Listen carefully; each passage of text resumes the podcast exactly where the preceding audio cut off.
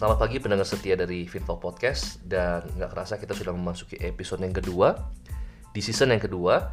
Dan kali ini saya nggak sendiri. Saya ditemani oleh sahabat saya uh, Bro Dani Sutradewa. Halo Bro. Halo, bro. apa kabar? Baik, baik.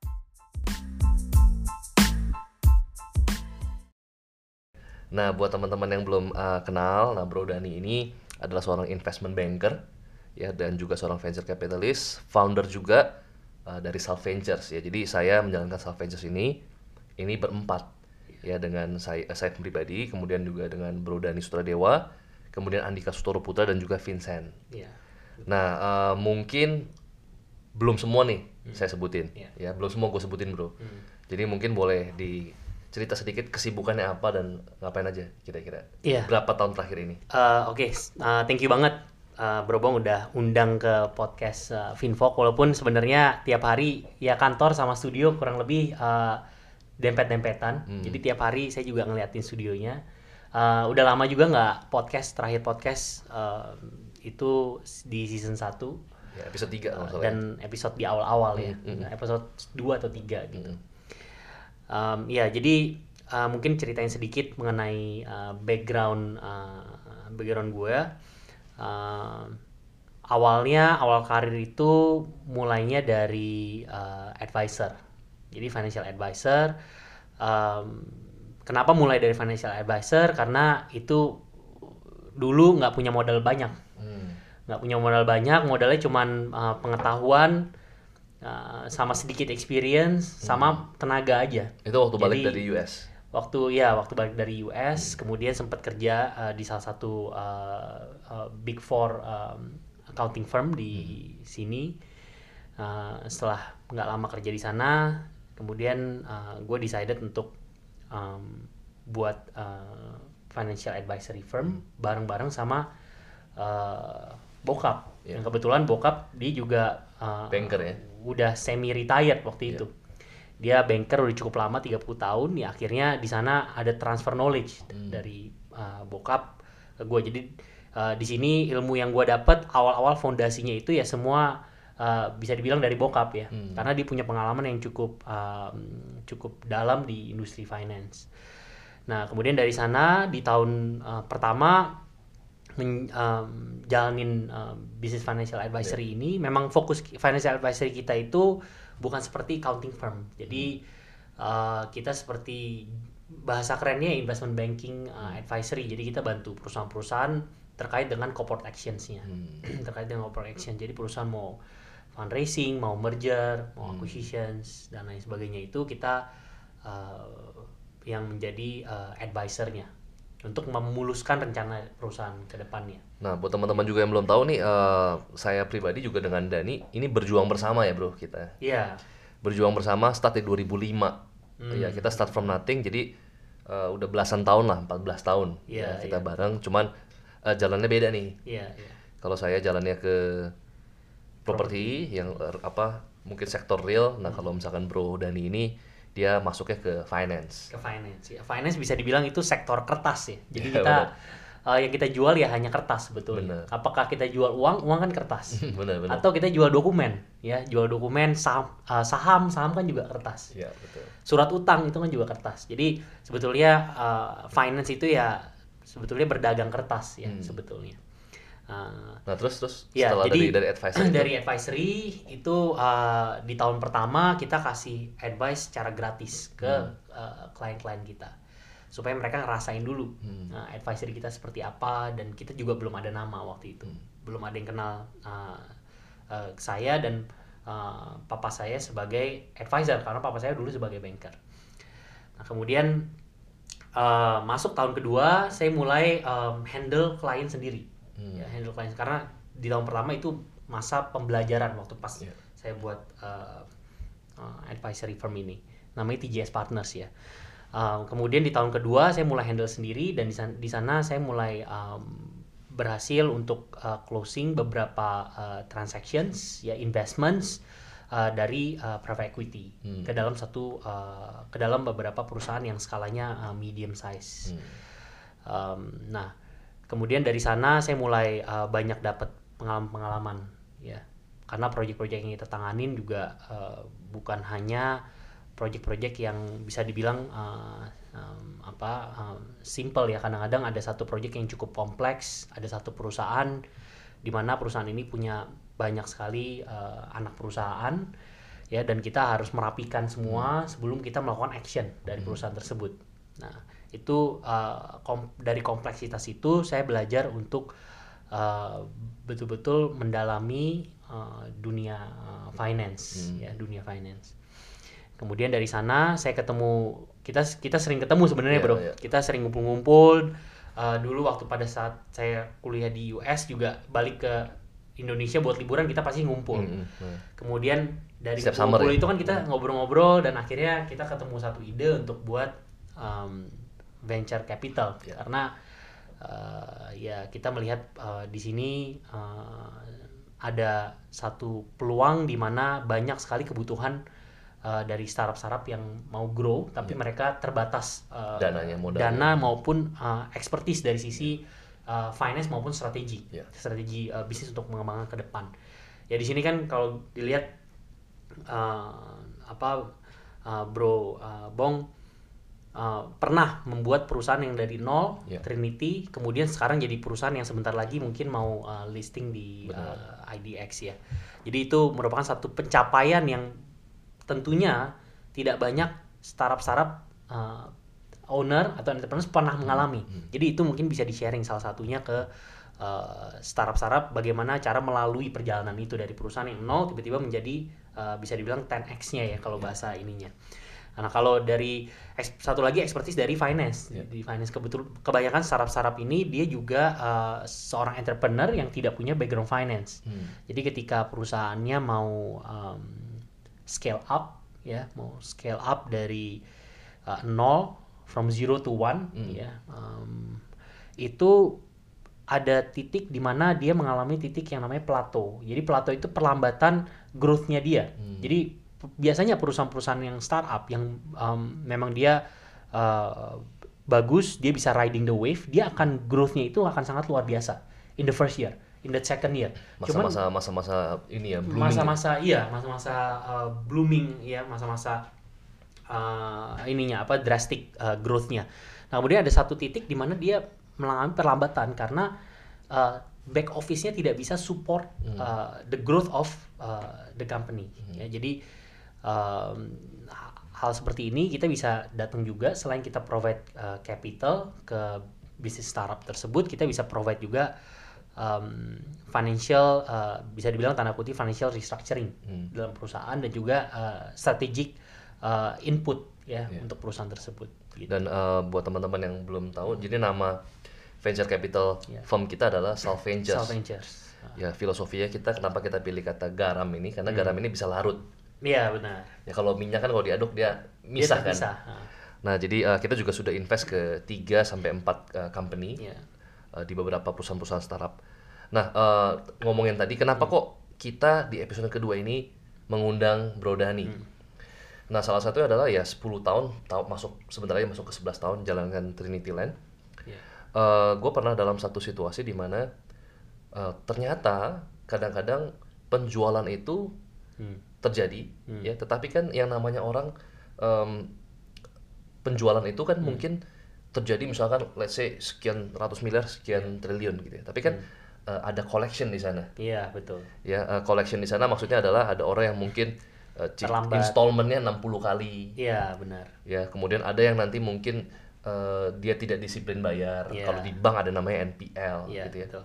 nah ternyata bukan cuma di properti tapi di beberapa bisnis teman-teman yang mungkin oke bisnisnya terjadi sales tapi ternyata pembayarannya ditunda enam bulan orang bayar enam bulan kemudian nah Benar benar.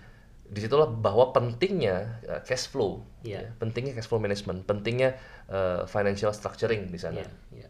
nah kenapa ini penting karena uh, topik kita ini baru kita ngomongin topik ini Iya ini baru introduction. Tadi baru introduction. Coba introduction. Topik kita uh, di podcast uh, kedua dari season kedua ini adalah Winter is Coming. Iya. Subtitlenya adalah dua skenario financial crisis.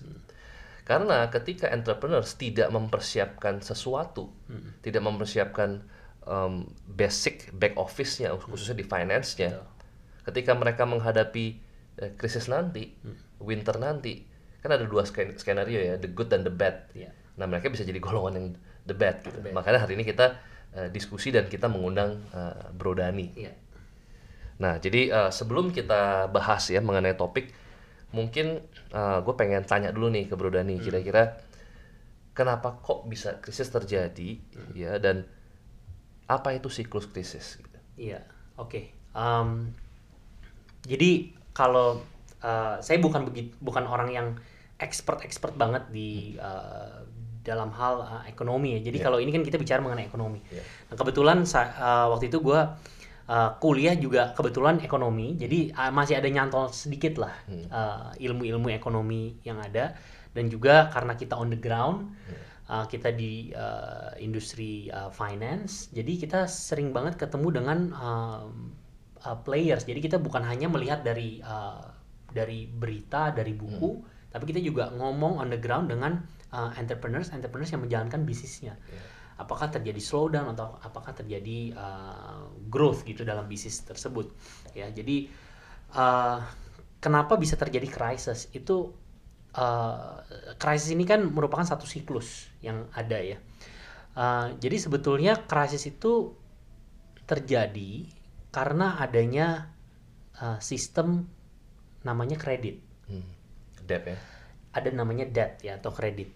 Nah, uh, ini sistem yang sudah dibentuk sejak uh, berpuluh-puluh tahun yang lalu, semenjak uh, munculnya yang namanya central bank. Hmm. Ya, jadi central bank kalau kita urutin uh, uang dari dia lahir, itu kan la- lahirnya uang itu kan dari central bank. Ya. Ya, Mereka dari- printing money. Mereka printing Hmm. money.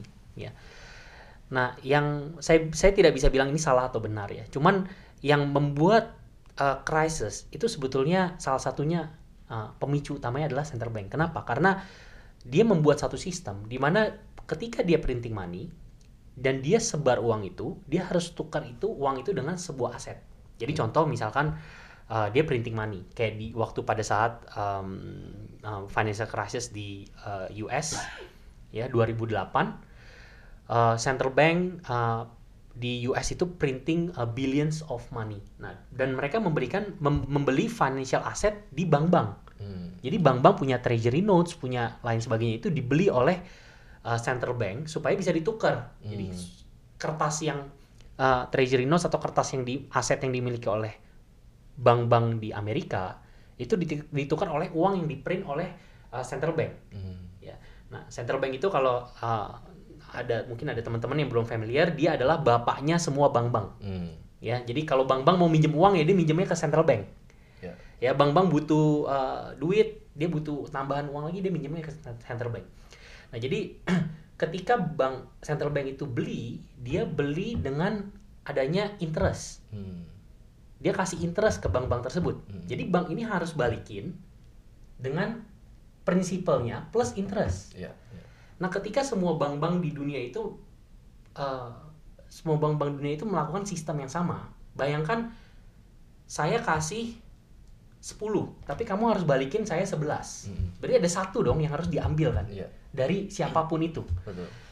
Nah, satu ini tidak pernah akan match, tidak akan pernah equal. Kenapa? Karena semua central bank melakukan seperti itu. Jadi ketika dia keluarin semua central bank keluarin 100 ke dalam uh, economic uh, system di satu negara, Hmm. orang itu harus balikin ke central bank 110 misalkan. Hmm.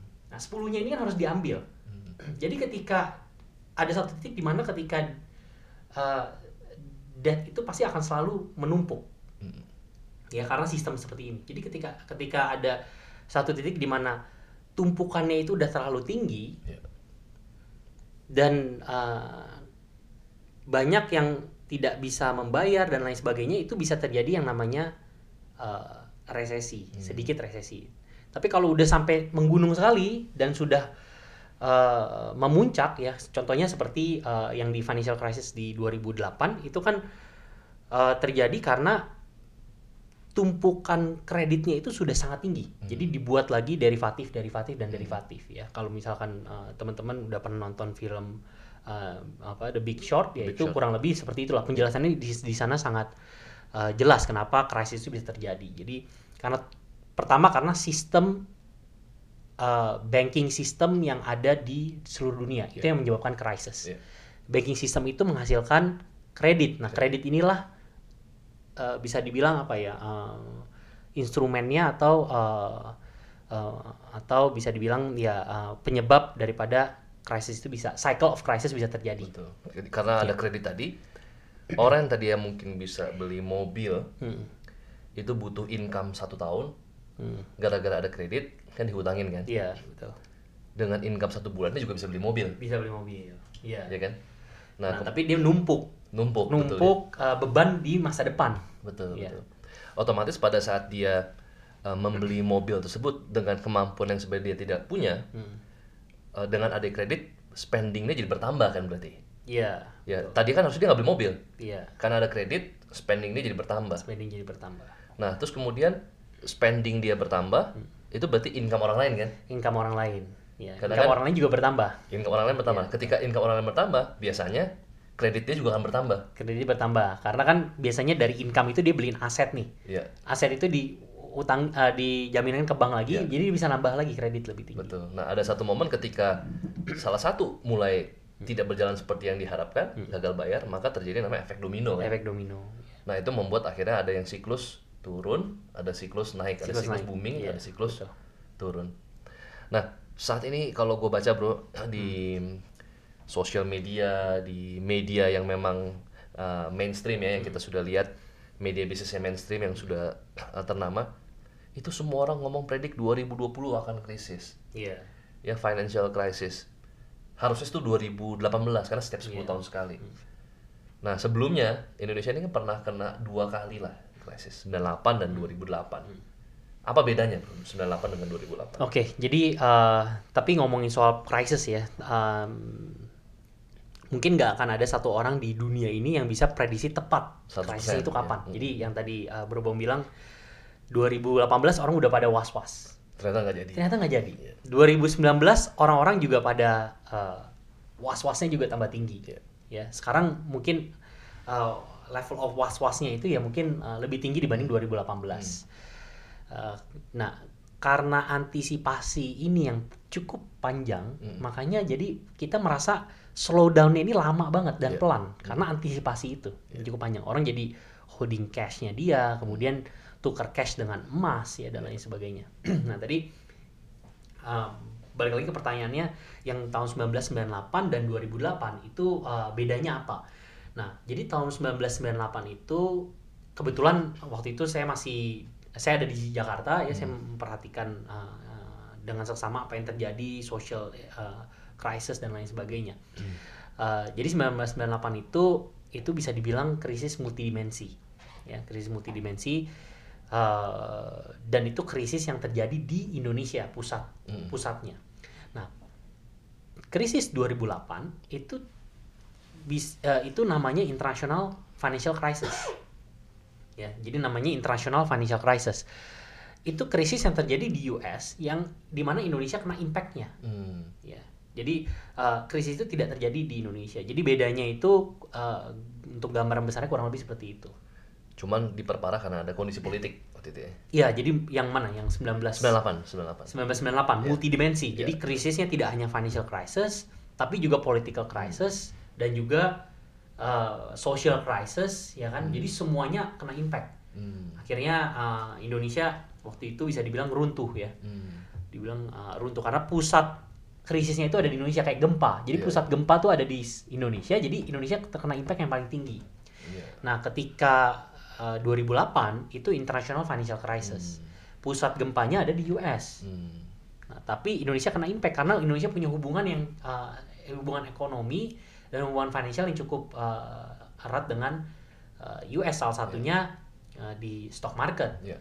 Banyak investment asing, investment dari US itu yang cabut ya cabut dari hmm. Indonesia karena stock market uh, IDX itu merupakan window terbesar bagi uh, investor asing. Jadi bisa yeah. keluar masuk seenaknya. Yeah, yeah. Ya. Nah, itu yang menyebabkan uh, sedikit ada bad news dari luar itu bisa impactnya di stock market dulu. Yeah, yeah. Jadi kalau misalkan uh, seluruh jumlah tabungan orang-orang yang kaya hmm. atau orang-orang yang miskin atau orang-orang menengah mereka menabung, hmm. itu jumlah tabungan itu sekitar tujuh ribuan triliun.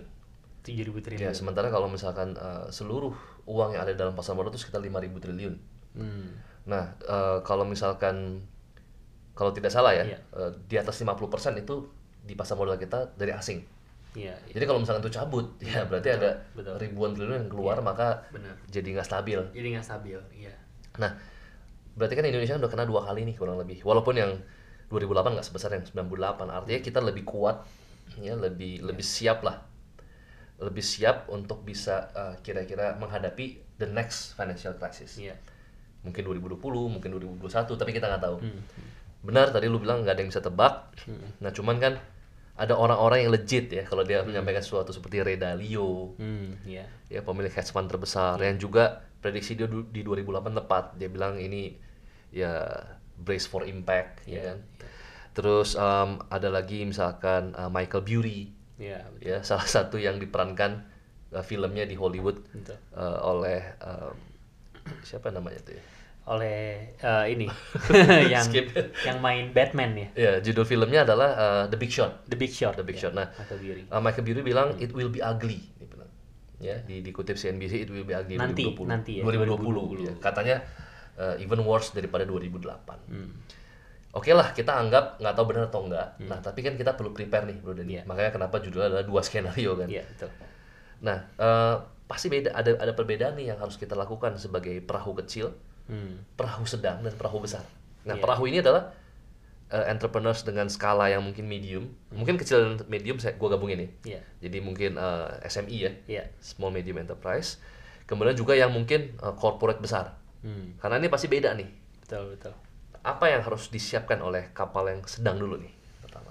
Nah, eh, jadi ketika eh, krisis itu akan makin per- akan makin parah ketika orang-orang mulai sadar bahwa ini terjadi krisis. Kenapa? Karena ketika orang sadar ini terjadi krisis, dia akan mulai saving. Hmm. Dia akan mulai stop their spending. Yang tadi eh, Bro Bom bilang, ya spending is, is another people's income. Iya. Ketika dia stop uh, their spending, dia takut. Iya. Kemudian dia keep the cash. Dia uh, stop spending, stop buying Ya. itu akan makin parah efeknya domino namanya paradox of thrift Hmm. ya jadi ketika satu orang berhemat itu akan impactnya sebetulnya ke Hmm. orang lain jadi uh, ketika perusahaan yang uh, small atau medium mereka sangat bergantung uh, terhadap uh, buyer-buyer Ya. ya uh, buyer-buyer yang memang itu merupakan uh, income-nya mereka jadi ketika uh, krisis terjadi, sebetulnya yang perlu dilihat itu adalah uh, cara mengelola cash flow perusahaan. Hmm. Ya, jadi kalau uh, kita bicara mengenai ini agak sedikit teknis ya, bro ya. Jadi kalau kita bicara mengenai ini, mengenai uh, financial statements ya, kita uh, harus melihat uh, balance sheet dari perusahaan tersebut. Ya, kon- posisi cashnya apakah Hmm. ada. Kemudian posisi eh, kita sebutnya ini current asset ya. Jadi aset cepat istilahnya aset yang memang bisa perputarannya sangat cepat. Itu cash ada account receivable ada inventory. Hmm. Dibandingkan dengan eh, current liabilities Hmm. adanya. A- ada ada ada satu um, ya ada satu uh, kata-kata di balance sheet itu namanya current liabilities. Nah kita harus lihat current asset banding dengan current liabil- liabilities. Apakah memang itu uh, sesuatu yang um, uh, uh, apa rasionya apakah itu tepat? Ya. Nah kalau misalkan rasionya uh, liabilitiesnya lebih banyak ketika krisis terjadi dia tidak punya enough cash untuk serve the liability Hmm. sehingga perusahaan itu bisa dalam tanda ujung-ujungnya itu bisa pilot Hmm. ini yang yang biasa terjadi ketika krisis di satu perusahaan Iya. jadi perusahaan itu kadang-kadang gini, dia menumpuk hutang hutangnya terlalu besar di awal ketika ekonomi sedang growing growingnya. Iya. Karena dia entrepreneur itu kan orang yang sangat pede, Iya. ya. Kalau dia nggak pede, dia nggak jadi entrepreneur. Benar, Pasti benar. dia jadi auditor gitu. PD dan stubborn. Pede dan keras kepala ya. Iya. Sa. Itu uh, ya salah satu uh, features ya, tapi bisa plus bisa minus Iya. gitu untuk dari dari seorang entrepreneurs. Jadi ketika uh, ekonomi sedang growing growingnya, itu yang mungkin minjam istilah istilahnya tuh seperti kita naik di eskalator aja kita naik. Iya, iya. Jadi nggak perlu berbuat banyak, perusahaan itu bertumbuh dengan sendirinya. Hmm. Dan apalagi kalau berbuat banyak, Hmm. apalagi kalau numpuk utang untuk beli uh, inventory misalkan, Iya.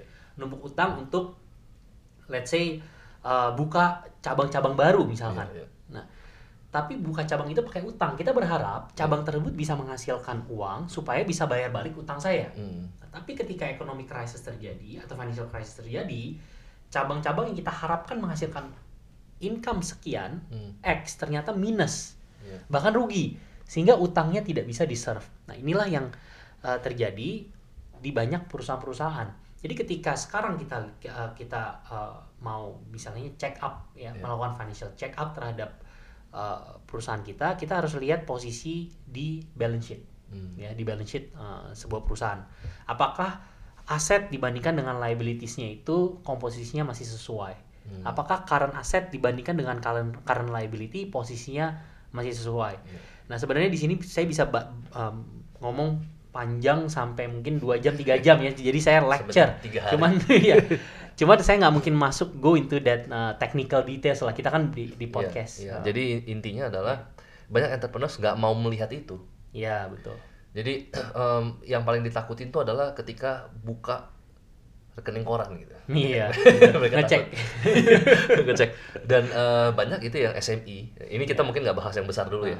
Banyak yang SMI kayaknya eh, case apa namanya penjual makin besar tapi uangnya ke mana gitu.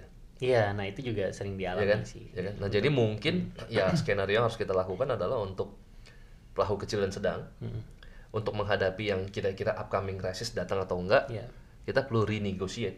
iya, Renegotiate dengan supplier kita. iya, Mungkin em, term of payment yang nggak apa-apa deh, mungkin margin kita turun. Hmm. Kita ngomong ke vendor, harga lu lebih mahal sedikit nggak apa-apa. Hmm. Tapi gue bisa kasih nafas lebih panjang Lebih dong. panjang, iya. Terus kemudian kita ngomong ke calon buyer kita atau buyer kita sudah jadi langganan kita. Iya. Kita potong harga kita sedikit, nggak apa-apa deh, tapi dia percepat pembayaran. Hmm. Ya kemudian coba ya eh, yang namanya hutang gimana pun caranya coba dikecilin atau ditutup. Hmm. Ya mungkin kita bisa jual sebagian aset kita, Iya. aset-aset yang idle. Tapi ini kan tanah ini bagus pak. Ya di da- pada saat krisis kadang-kadang uang 1 m lebih berharga. Seka- uang 1 m yang kita pegang sekarang cash lebih berharga daripada mungkin 20 miliar tapi nanti dan itu belum tentu datang gitu. Iya, betul, betul. Mungkin bisa dapat 20 miliar tapi hutangnya 100 miliar. Iya, iya, benar. Gitu ya. Jadi Iya. eh, itu yang perlu kita kita lakukan Kita untuk perhatikan, perahu kecil. Iya. Nah, kalau itu kan skenario yang baik ini, Bro. Hmm. Kalau skenario buruknya kira-kira apa yang terjadi ketika ketika misalkan kita perahu Hmm. kecil, perahu besar, Iya. ketika krisis memang betul-betul terjadi 2020 ini. Ya itu. Jadi eh kris perusahaan itu bisa eh, bankrupt ya atau eh, bisa eh, jatuh Hmm. ketika krisis terjadi itu em, disebabkan oleh eh, hutang yang menumpuk Hmm. di perusahaan dan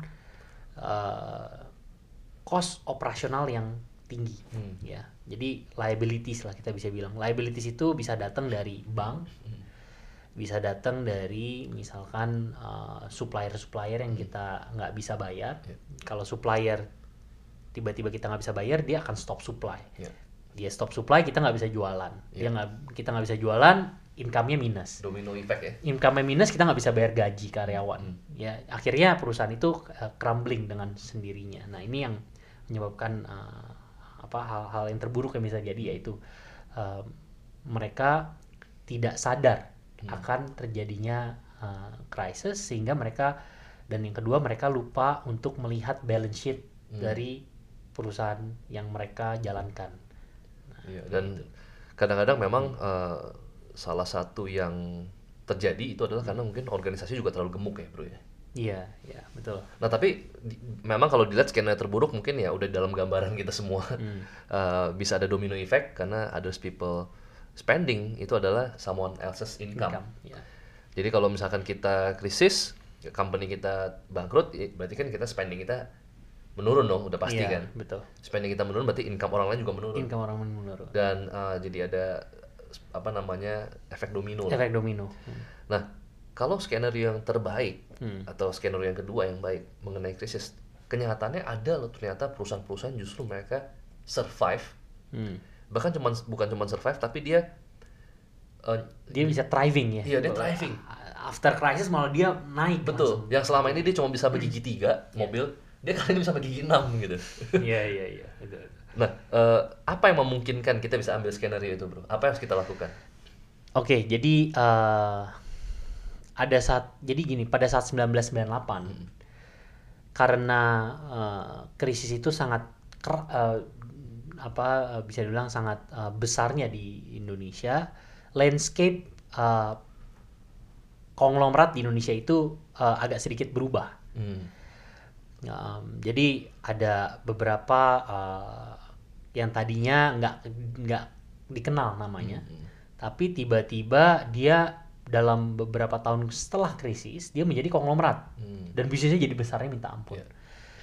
Nah, um, yang seperti ini, yang konglomerat yang seperti ini, yang konglomerat baru ini dia memanfaatkan peluang krisis untuk uh, keuntungannya dia sebetulnya. Jadi dia memanfaatkan uh, kompetitor yang mungkin tadinya tidak pernah bisa dikalahkan, tapi karena krisis dia jatuh. Akhirnya peluang ini muncul dan dia bisa nyalip. Iya, kayak misalkan pada saat krisis siapa sih yang iklan gitu kan? Iya benar. Gitu ya. Bisa jadi kayak gitu. Jadi karena nggak ada budget untuk iklan, ada orang ini iklan dia bisa Iya. naik. Karena pada saat krisis gitu mungkin karena nggak ada iklan, billboard-billboard harganya turun. harganya turun ya. Ya, advertising agency juga turun mungkin ya gitu ya. Iya iya bisa jadi itu jadi peluang kan. Tadinya kita beli lebih mahal jadi lebih murah karena krisis itu pasti hampir semua aset kelas itu ada diskon.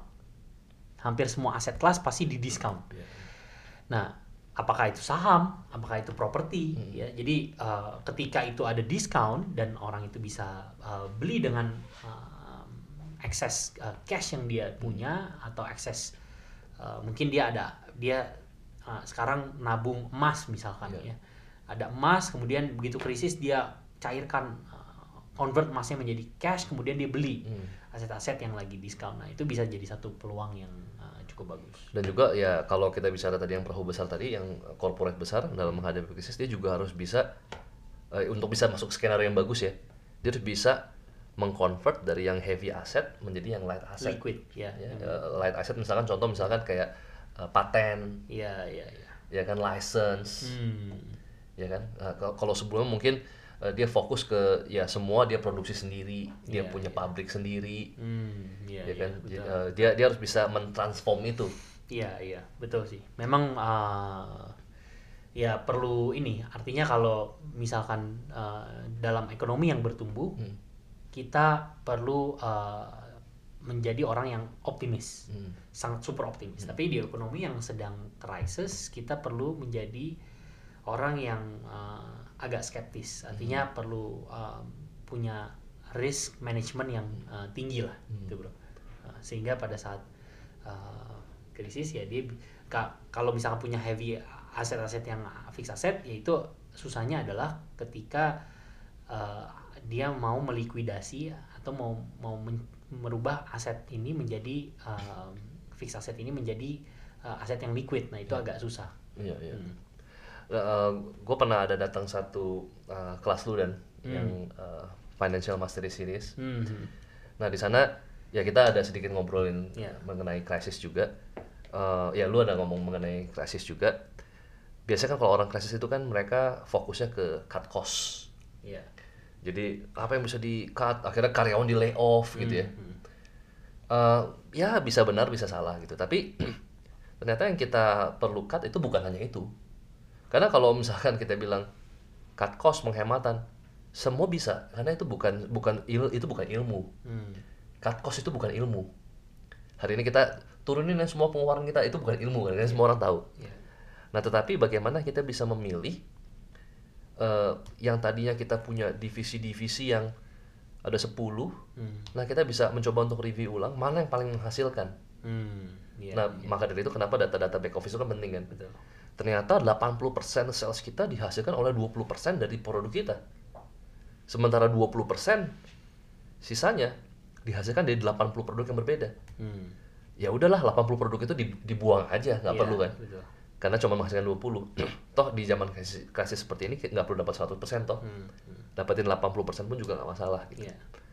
Ya sama seperti eh, ketika eh, Apple dia memangkas banyak lini bisnisnya dan hanya fokus ke empat Iya. lini. Atau misalkan McDonald's yang dia fokus ke burger. Hmm. Ketika mungkin sebelumnya dia restoran mungkin nggak tahu mungkin jual steak, Iya. pancake dan lain-lain. Nah jadi eh, itu yang menarik tuh yang yang gue dapetin di eh, kelas Financial Mastery Series. Hmm.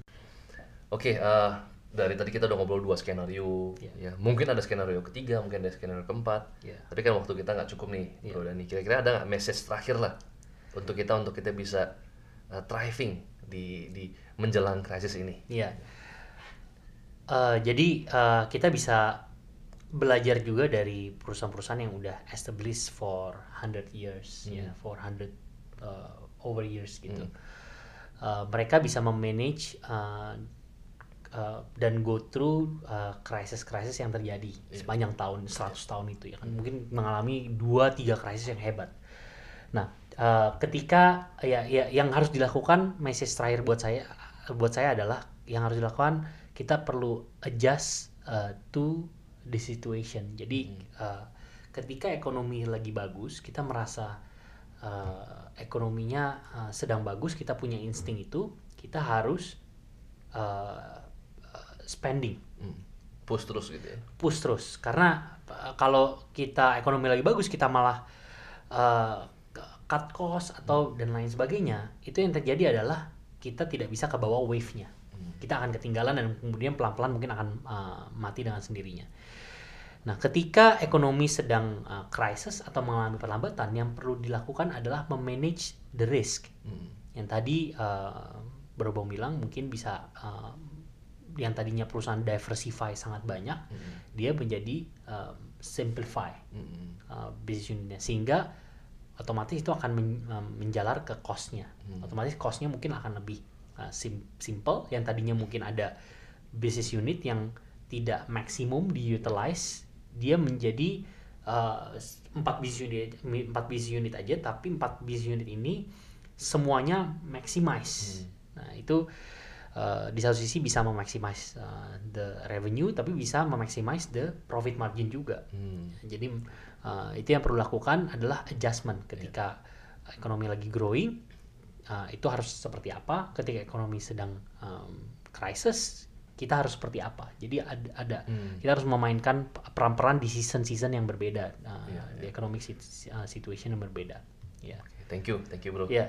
Mungkin dari uh, saya ada sedikit apa namanya konklusi ya. Hmm. Jadi ya kita nggak pernah tahu bahwa krisis kapan akan datang, tapi kita perlu manage, Manage. ekspektasi kita. Hmm, Karena kalau kita nggak manage ekspektasi kita, lagi PD-PD-nya malah tiba-tiba krisis Iya, datang, kita bisa jatuh lebih dalam. Kemudian yang kedua, kita juga perlu punya high income skills. Ya. ya kan? Bukan hanya sekedar cut cost. Karena kalau misalnya kita bilang cut cost cut cost itu bukan skill sebenarnya. Cut cost itu disiplin. Hmm. Ya betul. Jadi eh, kalau skill beda skill sama disiplin apa? Kalau misalkan disiplin semua orang udah tahu sebenarnya. Jadi tetap kita harus cut cost. Kita udah tahu krisis masa nggak cut cost? Tapi harus lebih daripada itu. Tadi yang Bro Dani sampaikan betul banget bahwa selain daripada cut cost kita juga perlu cut eh, atau manage misalkan diversifikasi kita yang tadinya terlalu banyak yang udah terlalu over expand lini produk kita terlalu banyak. Ya service dari ujung rambut sampai ujung kaki kita ada. Ya kemudian dari kota Iya. besar ke kota tier 2 ke kota Iya. tier 3 kita ada. Nah itu harus disimplify. Benar. Karena 80% omset kita dihasilkan oleh 20% customer gitu. Jadi kalau eh, sisanya 20% sales hanya dihasilkan oleh 80% customer. Jadi it's okay kita kehilangan 800 80% customer. Hmm. yang hanya menghasilkan 20% ya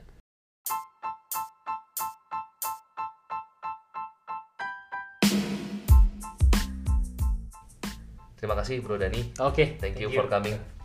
Semoga mendapatkan uh, man- semoga setiap pendengar dari podcast kita kali ini bisa mendapatkan manfaat dan bukan hanya sekedar survive tapi bisa thriving di krisis. Iya. Calon krisis 2020 atau 2021 tuh kita nggak tahu kapan Iya. krisis terjadi. Terima kasih. Betul, betul. thank you